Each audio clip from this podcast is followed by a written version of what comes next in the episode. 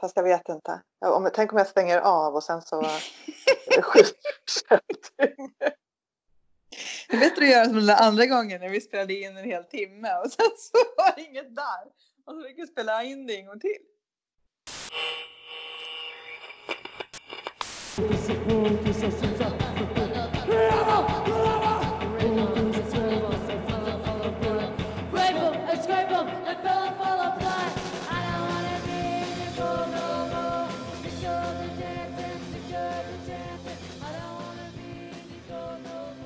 hur, hur mår du?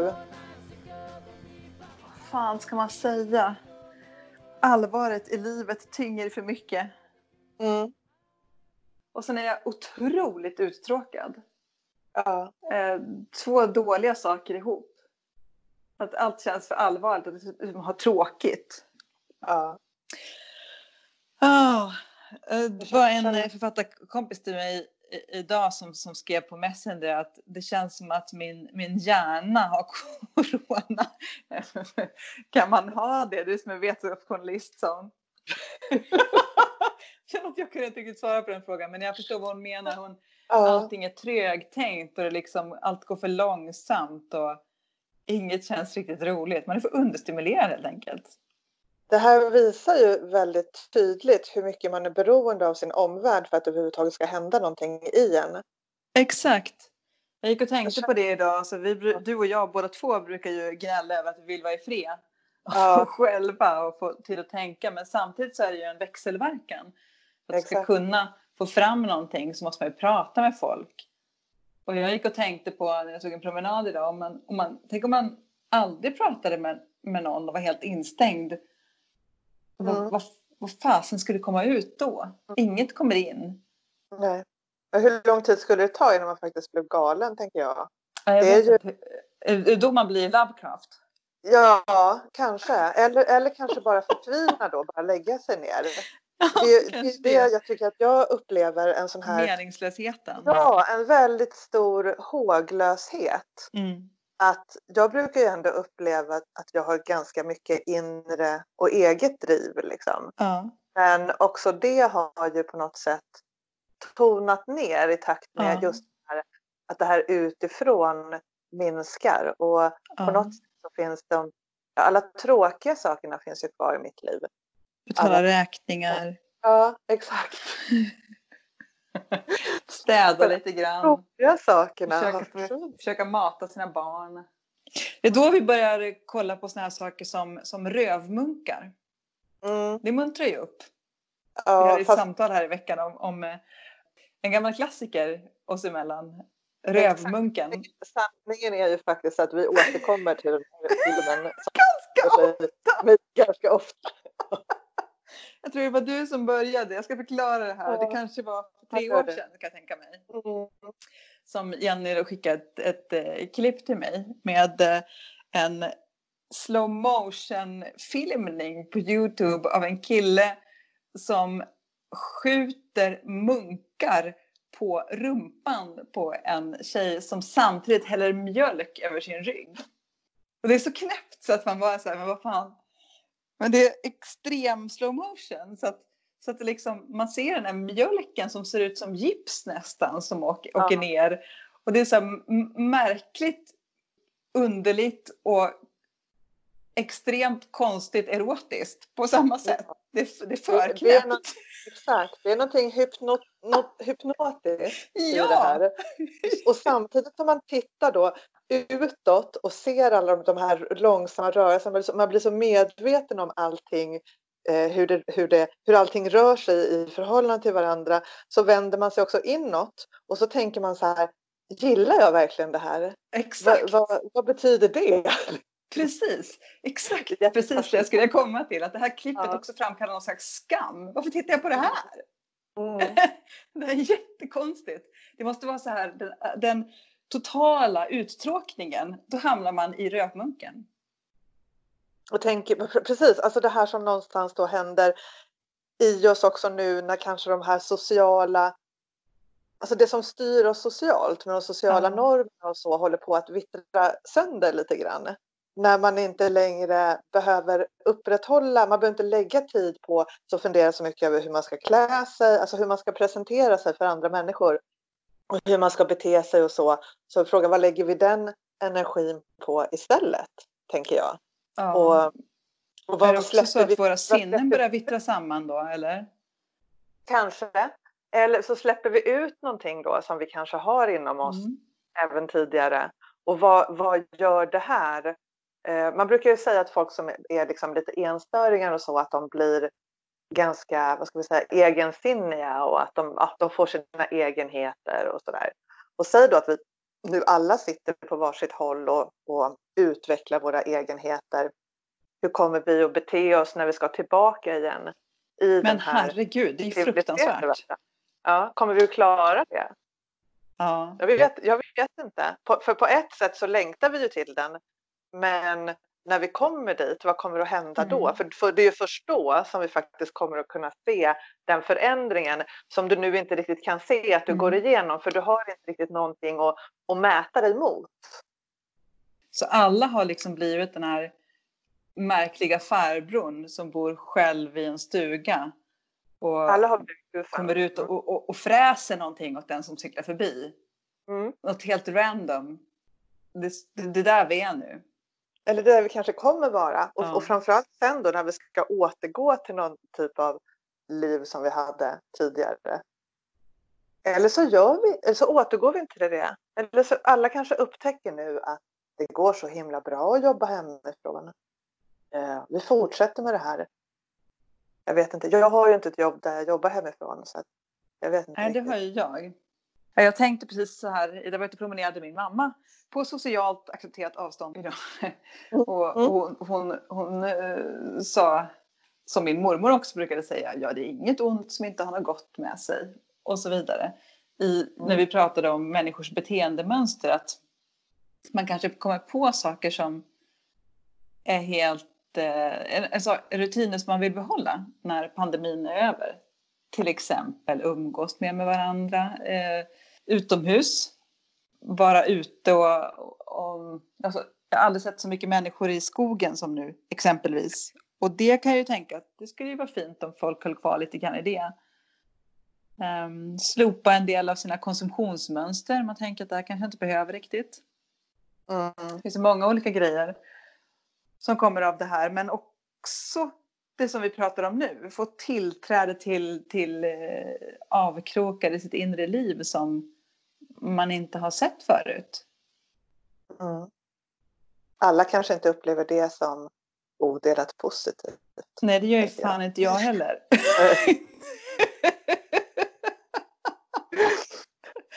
Men i alla fall. För håller vi Eh. på med alla andra grejerna annars? Men att skapa skräck just nu. Jag funderade lite kring det inför den här podden. För vi ju faktiskt prata om, Mm. om skräck i pandemins era. Och jag började tänka på så, men vad vill jag konsumera för slags skräck just nu? Mm. Jag konsumerar du någon skräck nu? Ja, det är frågan om. Nej, vet du vad jag konsumerar? Skräckkomedi. Ja. Och det är typ det enda jag kan hantera just nu. Vad är det för några? Är det som den hunden här, Drew Barrymore som odöd?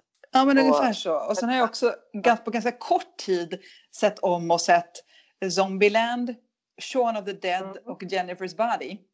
Men det känns som Okej. bra nivå på skräcken. Ja, men exakt. Ja. Zombies, men det är ändå roligt.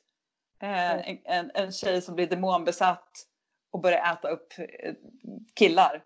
Men det är ändå Mm. roligt. På ett sätt känns det ju ganska uppenbart varför du väljer att konsumera sån skräck. Men kan inte du berätta det ändå?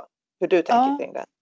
Jo, men det var precis det här som jag började säga. Att när allvaret i livet tynger för mycket så orkar jag faktiskt inte med mer allvar. Jag, jag pallar inte mer. Nej. Det måste, om jag ska se annan skräck, och det har jag gjort till viss del, men då har jag tänkt på vad det är då. Ja, det är ju absolut ingenting som har med virus eller pandemier eller jordens undergång eller katastrofer. Inget sånt, utan det måste vara overkligheter. Jag skulle kunna tänka mig att se Alien-filmerna exempelvis, lite sci-fi skräck. Mm. Jag kan se demonfilmer. Mina min go-to älsklingsskräck av olika slag. Eh, Övernaturlig horror. Men inte för mycket jätteverkligt nu alltså. Nej. Då får det vara roligt. Har du, har du kollat igenom så här, typ gamla filmer eller läst böcker som du läste när du var yngre och så där? Märker du att du återvänder någonting? Du har menat att jag gått i regression?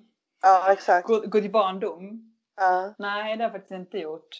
nej. Men däremot så har jag läst flera eh, böcker som ju är...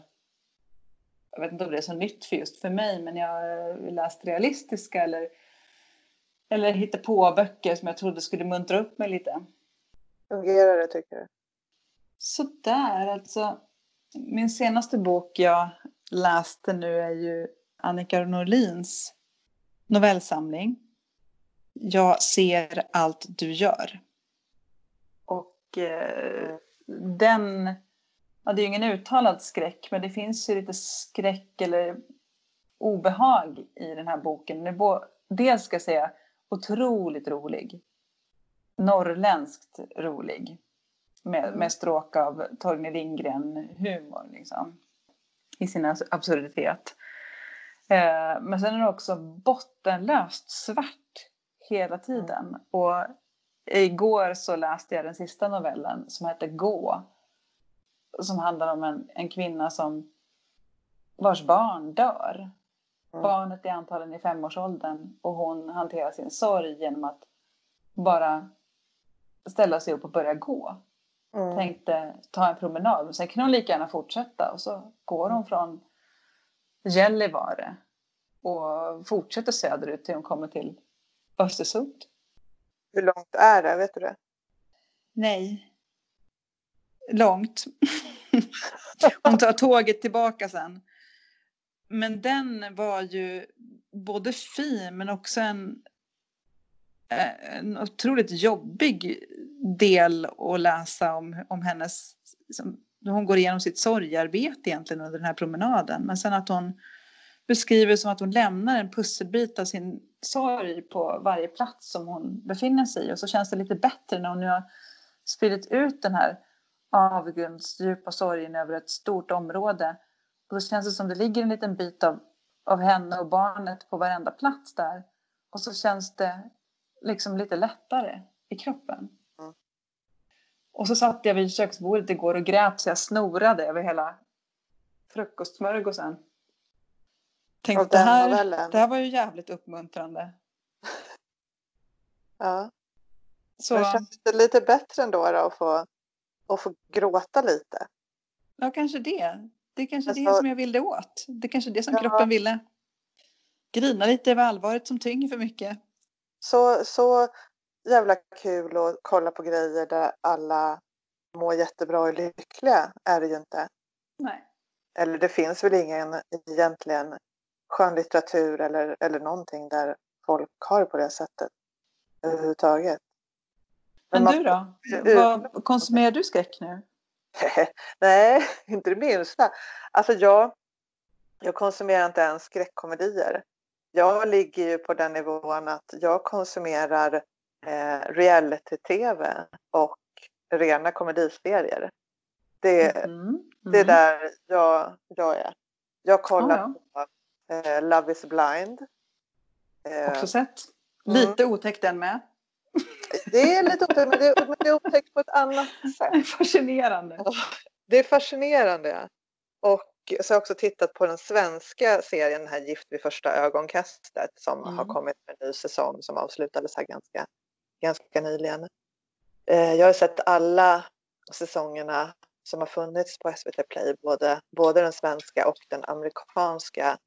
Sen har de, vi haft några andra också tror jag, den norska här för mig. men Den här, Men vad är det i det här som, som lockar dig? För nu blir jag intresserad. För du är ju inte personen som är så här relationsstyrd annars. Eller du gillar Nej. inte särskilt mycket att götta ner i relationer och, och sådär. Vad har hänt nu? Jag kollar ju nästan aldrig på dramaserier och sånt till exempel. Jag Nej. tycker att det är ganska, det är ganska trå- det blir ganska tråkigt när det bara är när det bara handlar om, om relationer. Men det här handlar dels är det ju den här eh, skenet av äkthet i den då, eller verklighet på något sätt. Att det här är ändå riktiga människor och deras resonemang och deras reaktioner på saker och ting. Och det jag gillar väldigt mycket med reality-tv det är ju att jag på något sätt får illusionen kanske, det vet jag inte, men jag får ju ändå komma in innanför huvudet. Jag får komma in, in i huvudet på dem. Jag får höra hur de tänker och resonerar. Jag får se dynamiken mellan två människor dels utspela sig och sen får jag den förklarat för mig på varsitt håll. De här människorna beskriver då hur de har sett och reagerat på olika saker och resonerat kring det. Mm. Eh, Jag tycker att det är väldigt, väldigt fascinerande. Och sen är det också fascinerande att se eh, det som hände i Gift vid första ögonkastet. I de första säsongerna i den svenska versionen så var ju alla paren väldigt svenska så tillvida att de tog inte så allvarligt på det här med att de faktiskt gifte sig. Det var mer sådär, ja nej, men vi testar ju nu och sen, ja vi kan ju alltid skilja oss efteråt. Eh, och då blev det ju så att, att folk liksom kände mer att nej, men det här är inte riktigt rätt eller det sa inte klick eller ja, det här nu som Mm. folk säger. När man istället för att då ge sig hän och, och engagera sig i en relation eh, backar undan. Eh, I den amerikanska versionen som jag sen såg där hade de ett helt annat synsätt på det här med att de faktiskt ingick i ett äktenskap och att man var man och hustru. Det var mycket mer på allvar för dem. Mm. De pratade mycket mer om det som att, att äktenskapet måste vara en, faktiskt en institution. Eh, vilket också gjorde att de försökte i högre grad, tyckte jag, lösa sin, de kommunikationsproblemen som de då hade i den här relationen. Eh, och olikheterna. Jag tycker att de i, den, i de senare versionerna på den svenska så har de blivit bättre på det också. Mm. Det känns som att de ändå tar det mer på, på allvar. Att de faktiskt gifter sig. Vilken tyngd man nu ska lägga i ett äktenskap men när man ändå har det formatet och tänker att då ska det Mm. ändå spela någon roll, tycker jag. Annars kan man ju Annars kan man ju göra som i Love is blind, där de gör lite tvärtom. Där de dejtar varandra först och att det sen då utmynnar i ett äktenskap. Just det.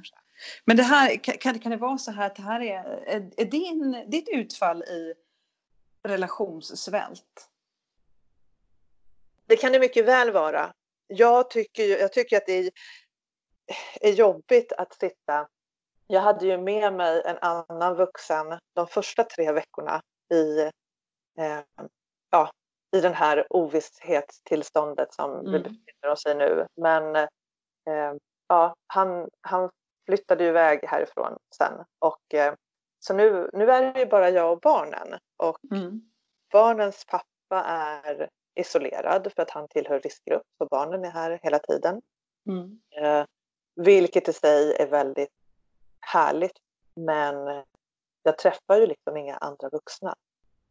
Jag har inte riktigt några vuxna kontakter. Nej, inte jag heller. Det känns ju som en så här eh, hobby, hobbypsykologisk analys att man tittar på sånt här för att man, man vill titta åtminstone hur relationer ser ut om man inte kan ha en själv. Ja, Kan det vara så? ja det kan, kan, det, kan det faktiskt vara. Och, och sen, Det är dina stödrelationer liksom. ja, ja, jag fattar. Men du, tror du så här, det är ju väldigt många som är skräckslagna för pandemin. Jag Ja. pratade med en, en eh, gammal vän häromdagen som antagligen har corona och eh, hon grät i telefonen och var jätterädd. Det- Det är en dödsskräck och, och vi pratade lite om här en ganska lång tid faktiskt. Om eh, sannolikheter och vårdens bemötande och mm, vad det gör med en när man hör om, om död och bedrövelse hela tiden och sen själv blir drabbad. ja, Och så tänkte jag på hur olika vi reagerade hon och jag. För jag blir inte, jag tycker att det är otäckt med pandemin såklart men jag blir inte rädd på det där sättet. nej. Blir du det? Inte riktigt för egen del. Nej.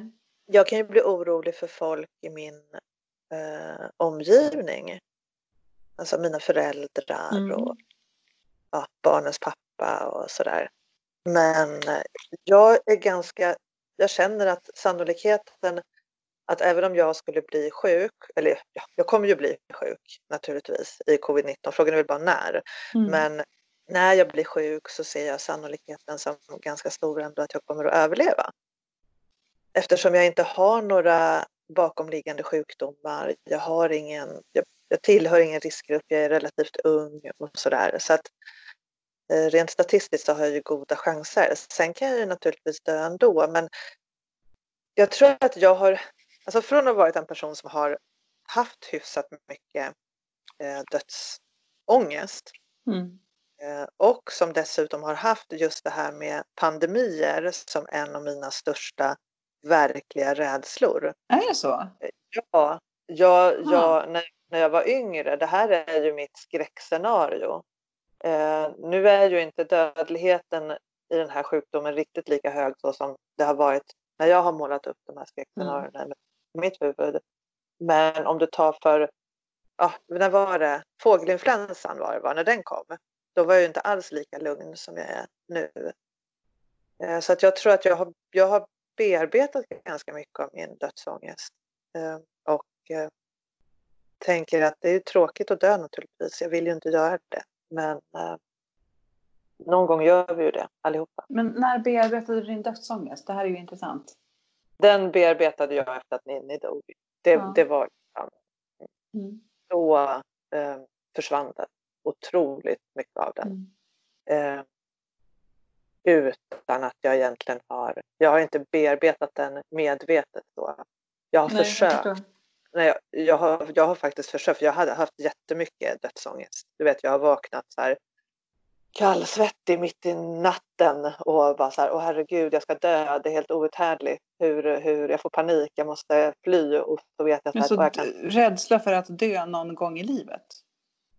Rädslan Okej. för att, att, att dö och försvinna, Mm. att det här tar slut. Att det är Mm. ja, eh, fruktansvärt outhärdligt. Jag kan inte tänka, kunde inte föreställa mig tanken på att min egen existens upphörde. Har du aldrig haft det? Aldrig. Jag, jag lyssnar intresserat nu för det här har jag aldrig upplevt. Nej. Eh, och det var därför som det här samtalet ju var intressant men lite obegripligt för mig. För jag har aldrig varit rädd Mm. på det där sättet för, för att dö. Jag har aldrig Nej. tänkt på det som Men har du tänkt med rädsla. då? Ja, det har jag gjort. Och så har jag någon, någon krass eh, tanke kring att ja, sen är det slut och så förmultnar man. Mm. Och sen är det inget mer med det. Jag har aldrig lagt någon känsla i det. Nej. Det kanske, jag kanske bara är dålig på att leva mig in. Bra, bra, bra drag, tänker jag. Bra drag som författare. Nej men faktiskt inte. Jag, tror inte att jag går och stressar upp mig för, för sådana saker. Jag, jag har ju mer ångest för, för praktiska grejer oftast när jag, när jag Mm. blir orolig. För saker som inte ska funka. Att, att, ehm, eh, det inte, sk- att barnen mår dåligt på något sätt. Eller att eh, ett, ett scenario ganska kort fram i tiden ska gå åt pipan. Sådana där Mm. saker kan jag gå och älta och oroa mig för. Helt meningslösa saker. Mm. Men eh, just dödsångest har jag faktiskt aldrig upplevt. Och sen är ju ännu mer meningslös. Ja, kanske det. det finns ju ingenting, det finns ingen poäng med den. Egentligen. Alltså man, ska, man kommer ju dö. Vi, vi, ko- vi kommer ju dö och vissa av oss kommer att dö fridfullt och andra av oss kommer att dö plågsamt. Mm. Men eh, vi kan ju inte riktigt säga någonting om det. Så att, Nej. Jag tror att vissa människor är bättre förberedda för hot, att hantera eh, otäckheter helt enkelt. alltså jag tror att man har olika läggning. Mm. Man är olika som, som person. Frågan är om man verkligen kan träna eller förändra det. Alltså man kan ju träna, man kan ju drilla sig. Alltså som typ militärer gör. Mm. När det här händer, om jag vaknar mitt i natten, då ska jag ta den här, de här tre föremålen och sen ska jag göra det. Så man lär sig, så man får som ett kroppsminne, Mm. så man gör saker. Men jag tror inte att man kan lära sig, alltså den här instinktiva, hur man reagerar på saker och ting. Det tror jag finns i oss. Ja, jag, jag håller på med en, en faktabok om, om skräck tillsammans med Emma Frey Schött nu och en av de saker som vi har utforskat lite grann är just skräck och skräckreaktioner och om olika människor reagerar olika på skräck. Och de forskare som vi har pratat med säger ju att det som du säger nu, att man har en medfödd eh, betingelse för att Mm. bli både orolig och att bli rädd. Ja. Vissa människor är mer benägna att reagera med panik till exempel på ett hot och blir rädda på ett annat sätt. Men också säger de då att, att man faktiskt kan med eh, genom att konsumera skräck träna hjärnan. Att det blir som ett gym för hjärnan. Mm. Att man faktiskt kan liksom lära rent kemiskt hjärnan att hantera en otäck situation på ett bättre sätt. Att kroppen inte går upp i tokpanikläge på en gång utan man liksom lär sig den här paniken som uppstår. För det är Alltså, samma reaktioner i hjärnan oavsett om man kommunicerar skräck eller om det är på riktigt. Ja. För, ehm, eh, och då finns det två olika typer av skräck, liksom, eller rädsla. Då. Dels den här underliggande tickande ångesten som ligger och är oro hela tiden. Och I skräckfilm eller vad det nu är man konsumerar så kan man översätta det med den här när man går och bara väntar på att något ska hända och det uppbyggs en spänning och man vet inte riktigt vad det är, ett så här förtäckt hot. Och en sån här akuta rädsla när någonting bara smäller till och man får panik, det är ju en sån här jump scare då i Ja. film exempelvis. Bety, bet- kan det då betyda att, att vi då som är mer benägna kanske för ångest Mm. uppskattar då mer de här långsamma obehagsfilmerna, för det gör ju jag. Mm, Eh, jag med. Och att de då som är mer de här, eh, vad ska man säga, snabba, de som, de som reagerar mer då på den här plötsliga uppdykande faran är de som uppskattar då jump scares mer. Kanske för att det. då får de träna på sin... De som är jägarna i samhället liksom bara. Det kommer någonting. Jag slår till. tvärtom egentligen, tänker jag. Tror du? Jag vet inte. Ja. Fast jag upplever, jag hatar ju jump scares för att jag blir så jävla rädd. ja. Alltså jag hoppar ju till rent fysiskt och så kan man inte, och just det här att jag kan inte värja mig mot den liksom Mm. överraskningen. Det är inte riktigt skräck tycker jag, det är en fysisk reaktion så att det blir så här, lite fusk. Så kan jag känna. Mm. Ja, men det här med eh, gymmet och hjärnan och, och att vi kan träna oss började jag fundera på så här, är det så att människor som konsumerar skräck är bättre förberedda för en coronapandemi exempelvis? Det låter ju inte så på oss två när vi Nej, pratar. kanske Så inte. jag vet, jag, vet, jag vet faktiskt inte. Vi borde kanske prata med en skräckförfattare som skriver om just pandemier. Ja, men, men sen tänker jag också så här att borde, borde folk konsumera, vad, vad gör, om du och jag inte konsumerar så himla mycket skräck nu då. Men Mm. samtidigt så har jag läst någon artikel om att eh, de här böcker om pandemier har eh, sålt mycket mer nu. Eh, även Mhm. Rara böcker. Mm. Albert Camus, Pesten, hade tydligen också Mm. Gått Just upp det, stämmer. slagit Ja. försäljningsrekord.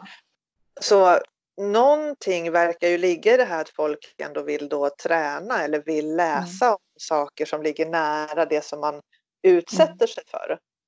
Och jag läser ju inte dystopier. Jag gillar ju inte riktigt de här dystopier eller undergångsberättelser. Det gör inte jag heller.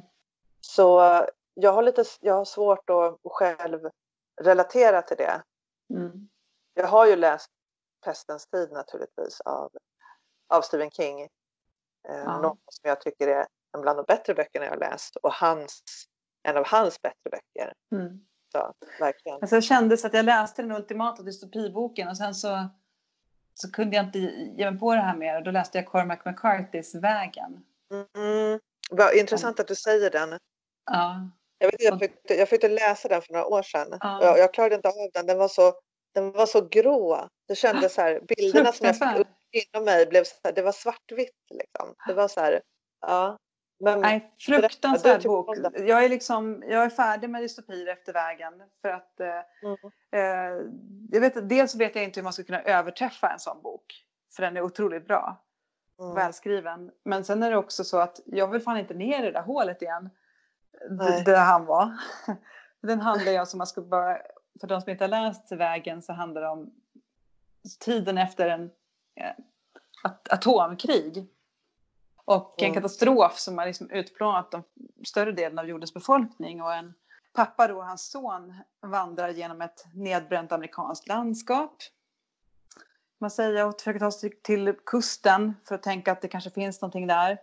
De har med sig en pistol och så försvarar de sig mot gäng längs vägen och så går de och drar på en kärra med mat. Och pappan är sjuk. Och det enda han har som målbild är att hans son ska överleva. Bara de tar sig till kusten, bara de tar sig till kusten. Ja, nej fy satan alltså. Det finns ju inget hopp i den där boken. Nej, det det inget hopp. Den är extremt. Ingenting. Hemskt. Sen kom det en film också, men det förstår jag inte. Varför gör man en film om något sånt? Jag har inte sett den. ja, jag kan stryka ett streck i dystopin efter vägen. Så att jag, det, jag är färdig nu. Jag har ju läst de här klassiska 1984 och Ja. Kallocain och Du sköna nya värld och sådär. Men Mm. det var, ju, det var ju när jag var ung. Och när det fanns någon slags lockelse i det där. Antagligen för att jag inte begrep mig på världen och tänkte att du vet, alla möjligheter finns. Att världen på något sätt kan bli vad som helst. Och också en rädsla för kanske hur världen egentligen ser ut eller vad, vad den utvecklas till. I- Idag vet jag inte om jag, jag tror inte att jag begriper mig mer på världen men jag har en större trygghet i att saker blir dåliga ibland och så blir de bra ibland och så saker och ting fortgår. Det är väldigt sällan det kanske blir allt för eländigt eller allt för positivt.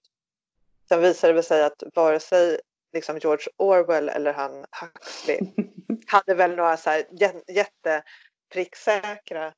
Vår tid är väl mer kanske en blandning av båda. Liksom.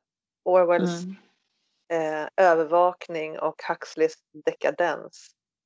Och även genetiken har väl en viss betydelse där. Va? Man odlar väl fram barn på något sätt. Gör man inte det den?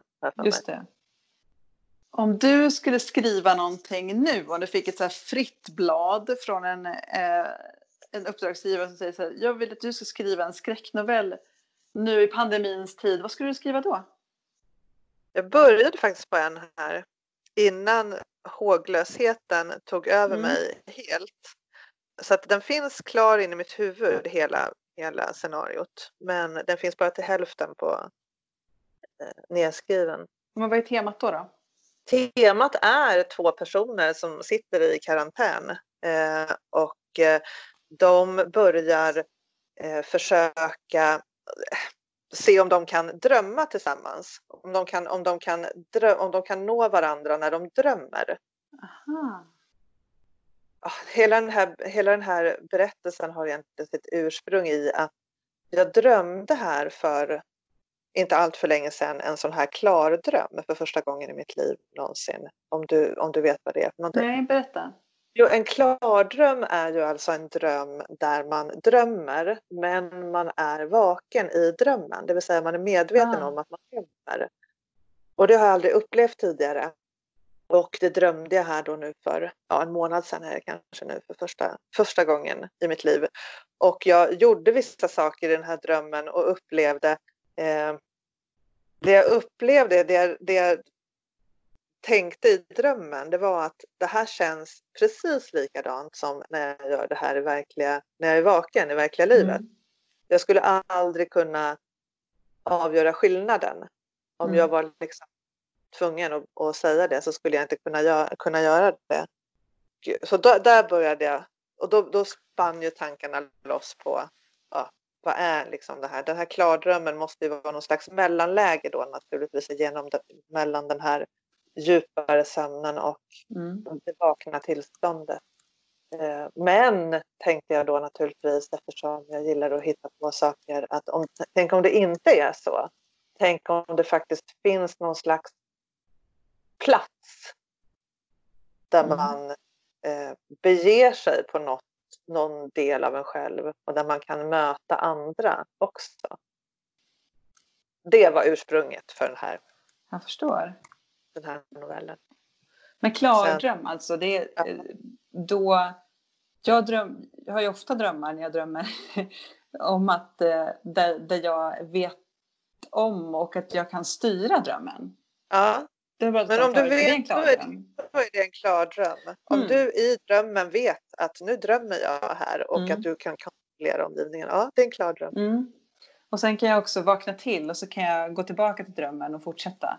Ja, och, eller så kan jag bestämma att jag ska sluta drömma på ett visst sätt och så ska jag drömma någonting annat istället. det är, klar, det är klardrömmar. Vad intressant. Så är min mamma också, det har vi pratat om. Ja. Huh.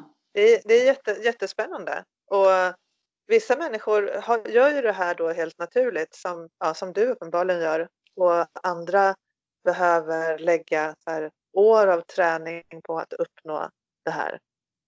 Mm. Och andra kanske gör mer som, som jag har tur någon gång ibland och upplever det. Jag får öva på det här. Ja, Men vilken intressant idé. det här började faktiskt på, på, i, i verkligheten också. För att jag Okej. och min partner då tänkte att vi skulle testa det här. Han drömmer också klardrömmar. Och då tänkte vi så här, vi skulle tänka ut varsin fras. Så att när vi i drömmen, så vi skulle komma ihåg drömmen. Och så ska vi försöka möta, om vi kommer ihåg det här i drömmen så ska vi liksom möta den andra personen och så ska vi säga den här frasen och så ska vi se då om den andra kommer ihåg det i, i vaket tillstånd sen. Eh, det här har ju naturligtvis inte inträffat och ingen av oss kommer ju, Mm. har ju upplevt det här eftersom det inte kommer att gå att göra. Men, men det är ett intressant experiment ändå. Eh, så att det var i dem, när vi, när vi pratade om det där, liksom, tänkte jag så här, om jag utvecklar det här som en, en berättelse. Det finns ju någonting jättefascinerande tycker jag i, i drömtillståndet. Och om jag sover och så upplever jag någonting precis lika starkt som att jag gjorde det i verkligheten.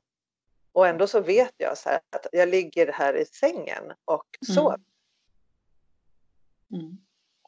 Men ehm, ehm, är filmen eh, Matrix liksom en film om klardrömmande?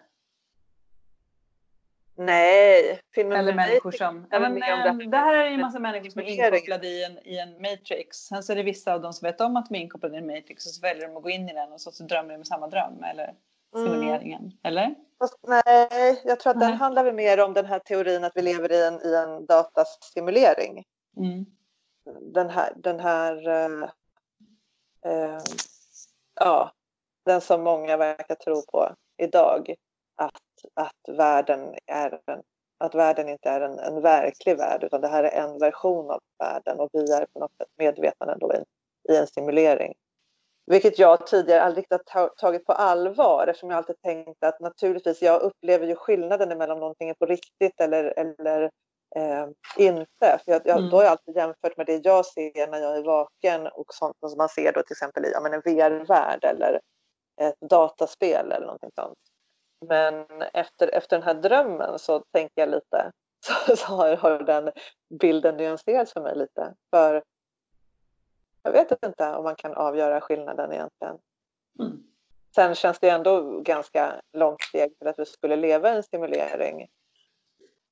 Jag, jag vet inte alls vad, vad jag skulle skapa för skräck just nu faktiskt. Jag känner mig... Jag har ju en bok som du vet som jag börjat skissa på. Mm. Men, men jag känner fortfarande det här liksom hjärntröttheten på något sätt. Att jag inte riktigt vet hur jag ska få ur med det här. Otroligt frustrerande. Kan man inte få känna så då, tänker jag? Ja. Alltså, det är ju ändå en, en... Det är ju ändå någon slags beredskapssituation som vi befinner oss i. Och jag tänker på alla de där som har börjat säga, ah, nu ska jag minsann göra alla de här grejerna som jag inte har gjort tidigare. De här peppiga grejerna om att man ska ta, att man ska göra så jäkla mycket av den här tiden. Att karantänen... Gå ner i vikt, måla om. Ja, Ja. som eh, och typ, ja men nu ska jag omorganisera min garderob och nu ska jag eh, fixa det där och där och nu ska jag lära mig ett nytt språk och nu ska jag allt det här som folk och någon himla grej som jag såg det här att ja, nu ska du skriva din bok och om du nu eh, var, om, du inte, om du inte gör det här nu när du sitter hemma då var det inte det att du inte hade tid utan då saknade du bara disciplin och man vill bara så här jag vill bara ge dem lite spöstraff de Det vill jag också göra. För att nu, nu sitter vi här människor som, som, och det är inte bara jag, jag pratar med flera stycken andra författare som, som känner den här tomheten. Hur ska, Ja. hur ska, hur ska det gå till? Hur Ja. ska jag kunna få ur mig någonting när jag inte får in någonting? Det Mm. går ju inte. Man är som ett kärl. Och det Ja. måste komma in lite grejer oavsett om det är eh, bara ett litet möte varje dag eller om man är på någonting otroligt uttröttande och med massor med människor eller om man pratar med någon eller vad det nu är. Man måste få lite intryck. Det går Ja, går ju inte att sitta instängd i ett, i ett rum för länge. Man kan göra det eh, en kort period om man har redan romanen klar i sitt huvud och har spaltat upp den och redan kommit igång. Och då kan man sitta isolerad och skriva klart den. Men så här eh, i typ nu ska du skriva din bok. Hur då? ja, Jag vill inte vara pessimist här men det, det är rätt svårt alltså. Det är som att Ja. allting bara går in i något slags eh, tuggummiläge. Det är ju det. Det är ju någon typ av limbo vi befinner oss i och låt. Vi kan ju vara lite mänskliga mot varandra tycker jag och, och vara lite så här schyssta och säga Ja. att det är okej att du inte producerar när du är här just nu. Det är okej att du inte är på topp Ja, Det, det är intressant det du säger nu för att det, det där tror jag är faktiskt en av de där sakerna inte något jag tror jag är en av de där sakerna som eh, inte något ont som inte har något gott med sig. Att vi Mm. kanske kan eh, zooma ut från produceringskravet, vårt inre Ja. produceringskrav och bara ja, hänga lite, Ja. slappna av. Det, hop- det hoppas jag också på. Det är faktiskt en av de grejerna som jag hoppas att det här kan, kan bära med sig. Att, att många som jag känner och runt omkring mig och den, den här delen av världen som vi lever i ser vad vi har för typ av syn på oss själva och varandra. Att vi ska Mm. vara någon form av så här, jag vet inte, maskiner nästan i att vi alltid ska lyckas spotta Konsumtions och produktionsmaskin. leverera. Och att det kanske inte är det som vi blir så jävla lyckliga av eller för vem gör vi det här? Liksom. Så att det, där har jag en förhoppning av att den, här, att den här krisen kanske för med sig en förändring. Mm. Ja, men jag tycker att det har varit eh, svårt för jag ser mig själv som extremt deadline-beroende. Det har vi Ja. pratat om flera gånger. Så att jag har jättesvårt att skriva någonting när inte någon säger åt mig så här, du ska vara klar den här dagen. Okej, säger Ja. jag och så är jag klar den dagen. Och, och, Ja. och så lägger jag upp en plan för hur jag ska bli klar. Och så gör jag det bara. Men om jag har en ocean med tid och, och här, typ ska få ur mig någonting möjligtvis, då vet jag inte hur jag gör. Jag vet inte hur, hur, hur, hur sorterar jag i oändligheten på något sätt. Mm. Det går Mm. inte. Det känns meningslöst att ens försöka sig på någonting. Om jag inte vet om att det finns en gräns och att det finns ett behov, då behöver jag inte heller producera någonting. Så tror jag att det är för många som eh, tänker att jag skulle väl skriva den där boken eller jag ska börja skriva och så har man en idé. Men den blir ju aldrig klar. Och det beror på att man inte har någon gräns. Man har ingen deadline och man har inget behov. Man har ingen människa som har sagt åt mig att jag vill ha det här och jag vill ha det då. Eh, så att det är ganska många, det, det, det där är nyckeln. Om någon skulle säga jag vill ha det, då blir det klart. Ja, och det är ju det yttre behovet igen då. För att man kan ju Ja. sätta upp en deadline för sig själv naturligtvis. Men, men den betyder kanske Ja. inte alltid lika mycket. Samtidigt så tror jag att det är också bra för en sån som mig som mest stressar runt och jobbar hela tiden. Och om man inte jobbar så hittar man på en massa annat som ska göras och så ska barnen till tusen aktiviteter och så ska jag själv göra grejer. Och den här tiden över finns liksom inte när allting är mallat i ett schema. Så lite bra är det. För jag har sovit Mm. mycket bättre. Jag har sovit längre. Ja. Jag känner mig inte alls stressad. Jag finner mig sittandes och filosofera i skogen på ett helt annat sätt än jag gjort på länge. Alltså nedvarvningen är ju stor. Jag tror att det, det finns ju en stor fördel i det. Även om jag upplever en viss håglöshet. Och att komma utanför det här, alltså det här invanda beteendet. För det är också ett tecken Mm. på när man gör någonting med, med ryggmärgen. Eh, just som du säger att när du plötsligt inte har den här deadlinen, när du inte har Mm. det här, vad blir det, vad blir det i dig då? Vad händer i dig då? Och det blir ju naturligtvis ja, men otryggt och osäkert till en början. Eh, det var precis när vi pratade om det här, eh, ja, det här beställningsjobbet som jag har haft nu under, under Mm. våren. När de säger så här att Man bara, ja men skriv bara ihop, skriv igenom den första gång så att vi har, så vi har en skiss av storyn och sen skickar Ja. du in den så ska du få feedback. Och det här var ju skitjobbigt för mig för så gör, gör ju inte jag alls när jag Nej, jag skriver. vet det. Nej. Och eh, jag är ju, precis som du Så sa, jag jag är ju väldigt, ja, jag är ju väldigt Ja. sluten i början. Mm. Jag, måste, jag är rädd för att, att när det kommer in för mycket utifrån. Eh, men det var ju otroligt lärorikt att få gå Mm. igenom en sån process och få jobba på det sättet. Mm. Så det är klart att det är, är bra också. Allt, intressant. Det där vi aldrig pratat om tror jag. Eller jag frågade dig då. Gjorde jag. Jag. För att jag tror att min process ser mer ut så som du beskriver. Och det kommer nog ifrån min journalistiska träning. Att jag är så van med att text är någonting rörligt ända från början. Så det spelar ingen roll om folk inne och, och tycker till. Och man bara, ja, ja, så tycker du nu. Och så ändrar jag på det. Ja. Och så fixar vi det här. Och så ser jag väldigt osentimentalt på det på något sätt. Utan det är bara, det, här, det här löser vi. Men mm. medan du har ett annat, eh, en annan eh, process där du är helt tyst och så plötsligt har du Ja. bara skrivit någonting och så är det ja, typ helt klart. ja. Och så har jag aldrig gjort i hela mitt liv. Jag pladdrar ju hela tiden. Mm.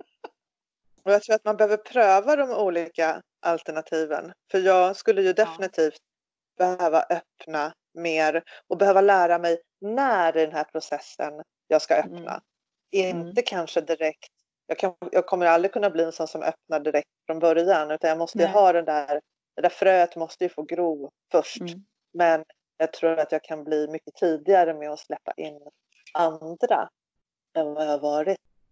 Och du kanske tvärtom då ska Mm. låta sakerna växa lite mer inom Mm. dig så att du får fram din Mm. grej. Vi får öva på det här båda två. Ja, Jag ja, får ruva lite mer och, och du, får, du får vara e- e- extrovert i ditt skrivande på Ja. ett annat sätt. exakt. Intressant. Men du, den ultimata frågan är ju, behöver man skräck nu? När det pågår en katastrof? Det det är väl klart. Alltså behöver man, behöver man berättelser nu? Det tycker jag att man behöver. Mm. Man behöver, egentligen behöver man väl hitta på saker. Jag skulle önska, alltså min, mitt idealsätt att hantera det här, det hade ju varit att få göra en Decamerone liksom, och få åka iväg med ett gäng polare och sätta sig i karantän någonstans och så sitta och berätta historier för varandra. Men om man behöver skräck som att hantera eh, pandemin menar du? Mm. Jag tror att, jag vet inte, om man behöver, man behöver kanske Folkhälsomyndigheten mer. Mm. Men eh, som de där psykologerna eller vad det var, experterna som du Mm. hade pratat med, de sa att man kunde träna på, på skräck. På så Ja. sätt kan man väl behöva det. Då. Ja. Så jag gillar inte riktigt att prata om litteratur som så här, eller kultur överhuvudtaget ur den där nyttoaspekten. Det, det, det känns som att man ska göra, göra rättfärdigare genom att här, använda sig av så här, managementbegrepp. Jag kan känna... Äh,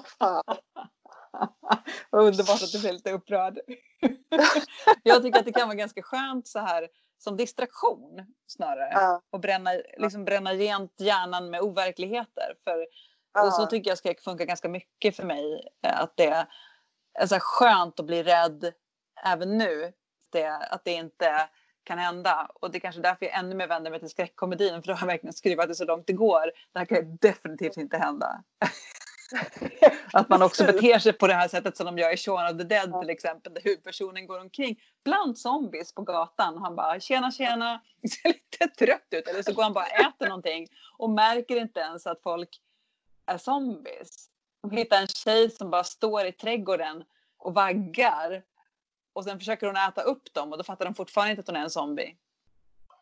Ja. Eh, Och då måste jag faktiskt bara säga det att jag tipsar verkligen om de här filmerna Zombieland och Shaun of the Dead. Eh, Evil Ja, de är Dead bra. det är också en, en till zombie. Det kanske är ett uttryck för pandemin liksom. Eh, kul. Finns det en eh, skräckkomedi som heter Cabin in the Woods som jag tyckte var väldigt bra. Det kan jag också gilla med skräckfilmsnarrativet. Eh, att man kan känna igen det. om jag tittar på skräckfilmer så vet jag vad jag har och, och vänta mig och det kan jag gilla nu i en tid där allting känns så jävla ovisst och jag inte vet någonting annat. Så kanske kommer jag tillbaka igen där om jag söker trygghet i, för det gör ju jag. Jag kollar ju på gamla grejer som jag har Ja, sett just tidigare eller läser gamla saker. Ja, Mm. Jag- är det jag regressionen igen. igen. Ja, Mm. jag regrederar. Liksom. Det är helt klart. Och så söker du relationer och som Ja. snuttefilt tittar du på Ja, människor de dejtar på tv. Ja, ja. eh, det är relationssvälten som sätter in. Medan jag hanterar det här med, med att låtsas som, som det regnar och skratta åt det. skrattar åt det. Men det intressanta är ju här, du är ju en person som typ aldrig kollar på zombiefilmer. Du brukar ju säga bara, Nej. jag gillar inte zombies. Nej. Men nu är typ allt det du berättar om är ju zombiefilmer. Aha. Men Mm. i övrigt så... Ja, Ja, fyra stycken drog jag här på en gång. Evil Dead, Zombieland och Shaun of the Dead. Ja. Alla är zombierysare. Exakt. Eller Exakt. zombiekomedier. Också de Jag enda typ zombiefilmer jag antagligen står ut med. Aldrig hört dig prata om zombiefilmer tidigare. Någonsin tror jag. Jag vet! Men har du några, några avslutande så här, eh, kulturtips i, i krisens tid? Eh, det jag ser fram emot nu härnäst är ju att se den här eh, Too Hot To Handle som är, har börjat streama på Netflix. Eh, Men herregud. Ja. Du hör att jag har gett upp alla, alla ambitioner till någon form av kulturellt kapital. Too hot to handle. Ja. Gift i första ögonkastet. Och eh, Ja. vad heter den här sista? Ehm, It's behind. Ja, Love is blind. Mm. Ja, men jag, Ja. Jag har gett mina, min, mina eh, kulturtips. Det är skräckkomedier helt enkelt. Det är vad jag rekommenderar. Mm. Är vi, klar, är vi Bra. klara för idag nu? Nu, nu, nu, nu, Ja. nu är jag med här på båda tågen. Jag känner, jag känner mig mer motiverad än vad jag har gjort på länge kan jag säga. Jag med. Så sluttipset får bli pr- pr- prata med någon i telefon ganska länge. Om absurda saker. Exakt. Och inte bara om, om, om corona. Corona, till Då slut, lyfter ni. till slut blir det bra. Ha det bra. Hej hej. Vi hörs. Hej! Apathetic altruism or patriotic patriotism and sink your teeth into the apple that you paid for. Songs sung not as often when they rhyme less. Choosing language over pictures caused a misconception. Right-handed leftists sneak into the press section. Bloody nose from the space heater. Broken clock above the sleeper sofa. Steamer trunk passed up, generational letdown. Overdose on gasoline, bus stop amphetamine. Invasive alchemists killing homegrown agriculture. Historic snake oil, worth less than what you paid for. Brownout, upcharge, cash cow in the sandbox. Rich ass banker buying boats for the landlocked. I don't know words, but I sure know how to speak them. I don't know people, so I fake it when I greet them. Oh my god, I can't stand it. Swimming around with the likes of the limefish, spilling wine in the Lexus. Get some pocket change, voluntary left hand. What a mess thought we planned this. Prescription drugs and some gold designer glasses. Sugar ants in the cabinet. I got a lot of things and all of them are plastic. Poor broke college kid, at least you learned economics. Business majors, you can stand up. Environmentalists, you can sit the fuck down. I'll tell you what you can do though. You can, uh, you can cast your vote for the chosen leader. Centimeters, centigrade, underworked overachievers, asexual reproduction, bot bot, transcontinental wire transfers, Wi-Fi passwords and gemstones brought home without investigation, border town drama with misplaced ambition, determining my moral code on a set of old inscriptions, Wikipedia and binary postcards from libraries, double-blind study carried out by big tobacco, indicator species, canary in the coal mine. I don't care for the truth. I'll take the cancer and the tan lines. Oh my God, I can't stand it. Run around with the likes of the limefish, spilling wine in the Lexus. Spin some pocket change, voluntary left hand. What a mess thought we planned this. Prescription drugs and some gold designer glasses. Sugar ants in the cabinet. I got a lot of friends and all of them are plastic. Uh,